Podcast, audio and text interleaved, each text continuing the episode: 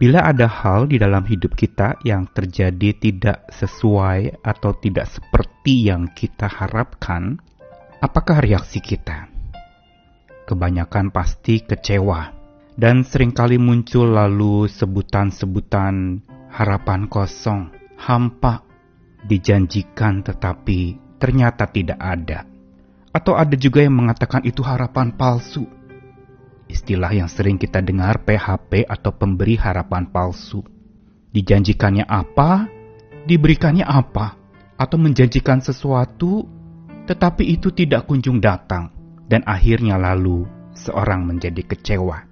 Padahal kalau kita mau lihat dengan mata iman, maka lewat hal yang terjadi tidak seperti yang kita harapkan itu, sesungguhnya bukan berarti itu harapan kosong atau palsu karena justru lewat apa yang tidak terjadi sesuai dengan apa yang kita harapkan, Tuhan sedang mengarahkan kita, mengarahkan kepada sebuah pengharapan yang lebih tinggi dari yang kita harapkan, mengajarkan kepada kita dan mengarahkan kita kepada sebuah pengharapan yang total dan utuh hanya kepada Tuhan, karena Dia selalu bertindak lebih dari yang diharapkan. Saya Nikolas Kurniawan menemani lagi di dalam Sabda Tuhan hari ini akan menyapa kita lagi. Kali ini dari Yesaya pasal 64 ayat yang pertama sampai yang keempat akan saya bacakan dari Alkitab versi Firman Allah yang hidup. Betapa kami mengharapkan engkau merobek langit dan turun. Pastilah gunung-gunung akan berguncang di hadapanmu dan api kemuliaanmu akan membakar rimba-rimba dan membuat air laut mendidih serta bergolak sampai jadi kering. Sehingga bangsa-bangsa akan gemetar di hadapanmu dan musuh-musuhmu akan mengenal namamu. Demikianlah keadaannya ketika dulu engkau turun. Engkau melakukan hal-hal yang dahsyat serta menakjubkan yang melebihi pengharapan kami betapa gunung-gunung berguncang di hadapanmu. Karena sejak dunia diciptakan, tidak seorang pun pernah melihat atau mendengar adanya Allah yang seperti engkau, Allah kami, Allah yang bertindak untuk mereka yang menaruh harap kepadanya. Yesaya pasal 64, khususnya ayat 1 sampai 4 yang tadi dibacakan, merupakan sebuah ungkapan yang memang tampaknya seperti pengenangan akan karya Tuhan di dalam hidup umat pilihannya. Tapi di balik pengenangan itu sesungguhnya ada perasaan kehilangan akan Allah yang memberikan pengharapan lebih dari yang dinantikan oleh umatnya. Mengapa demikian? Latar belakang Yesaya pasal 64 adalah ketika musuh menyerang Yerusalem, dan Tuhan menahan damai sejahteranya dan tidak campur tangan. Orang-orang Yahudi pada waktu itu pun dikalahkan dan dipermalukan di hadapan para musuh, dan kekecewaan pun berkecamuk dalam hati setiap orang Israel pada waktu itu, sehingga mereka begitu merindukan akan karya Allah dan tindakannya yang ajaib, yang dahsyat itu dan karena itu Yesaya mencatatkan kenangan-kenangan bahwa mereka mengharapkan Tuhan yang kembali menyatakan kuasa dahsyatnya itu. Digambarkan merobek langit dan turun, mengguncangkan gunung-gunung, dan api kemuliaan Tuhan membakar rimba-rimba dan membuat air laut mendidih serta bergolak sampai jadi kering sehingga bangsa-bangsa takut berhadapan dengan Tuhan yang maha dahsyat itu. Tetapi di dalam bagian ini dikatakan demikianlah keadaannya ketika dulu engkau turun. Berarti pada waktu ini diungkapkan oleh Yesaya, mereka sedang kehilangan bagaimana Allah yang turun tangan dan campur tangan dengan kuasa dahsyatnya mengalahkan musuh-musuh mereka. Dan di sinilah sebenarnya mereka sedang kecewa karena apa yang mereka harapkan itu tidak terjadi. Apa yang mereka nantikan itu tidak terkabulkan, tidak datang-datang, tidak tiba mengunjungi mereka. Yang ada hanyalah kekalahan, dipermalukan, kehancuran terjadi di dalam hidup.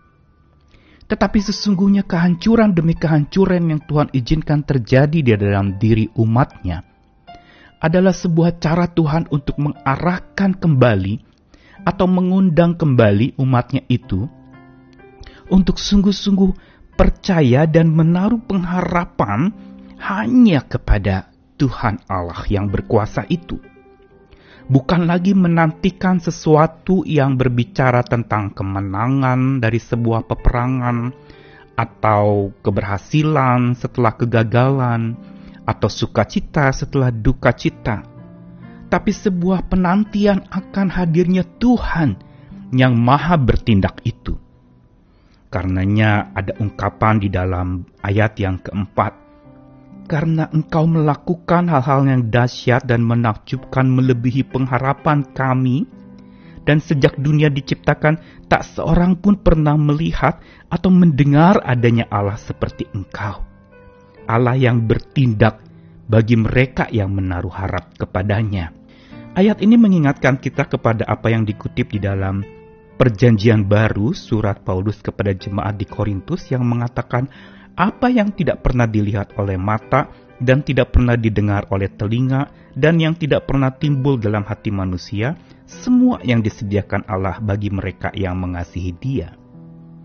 Berarti bahwa sesungguhnya dan pada dasarnya Allah kita yang kita percayai itu, yang kepadanya kita berharap, selalu bertindak lebih dari yang kita harapkan.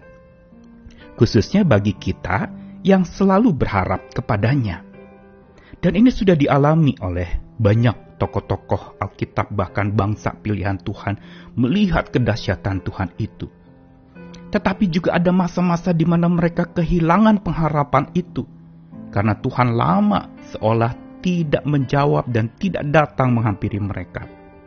Dan di sinilah sebenarnya Tuhan sedang menegur dan mengajar mereka untuk justru hanya berharap kepada Tuhan yang lebih dari segalanya. Karena apa yang dia lakukan itu lebih dari yang kita harapkan sesungguhnya. Hanya sering kali memang kita mengharapkan sesuatu itu menurut maunya kita, bukan mengharapkan apa yang seturut maunya Tuhan. Tuhan mengundang kita saat di mana apa yang kita harapkan itu tidak terjadi kepada Tuhan pengharapan yang hanya menantikan Tuhan semata, karena tindakannya itu lebih dari yang kita harapkan. Bila Tuhan selalu bertindak lebih dari yang kita harapkan, pertanyaannya adalah, apakah kita selalu berharap padanya lebih dari segalanya? Bukankah ini sebuah pertanyaan yang imbang? Kalau Tuhan bertindak lebih dari yang diharapkan, apakah kita juga sudah menaruh pengharapan kepada Tuhan lebih dari segala-galanya yang ada di dunia ini. Nantikanlah Tuhan dan tetaplah berharap kepadanya, karena Dia tidak pernah lelah dan lengah mendengarkan kita. Dia mau kita secara pribadi datang kepadanya. Dia mau kita bukan sekedar meminta ini, meminta itu, mengharapkan ini, mengharapkan itu, menantikan ini, menantikan itu. Tetapi yang Tuhan harapkan adalah nantikanlah Tuhan. Dialah yang lebih dari yang kita harapkan. Bukan sekedar berkat yang dia berikan. Tapi dirinya lah dia taruhkan dan dia serahkan untuk kita. Bukan sekedar anugerah yang dia curahkan. Tapi hidupnya lah yang dia berikan untuk kita mengalami kasih yang ajaib itu. Karena itu tetaplah berharap kepada Tuhan yang selalu bertindak lebih dari yang diharapkan. Amin.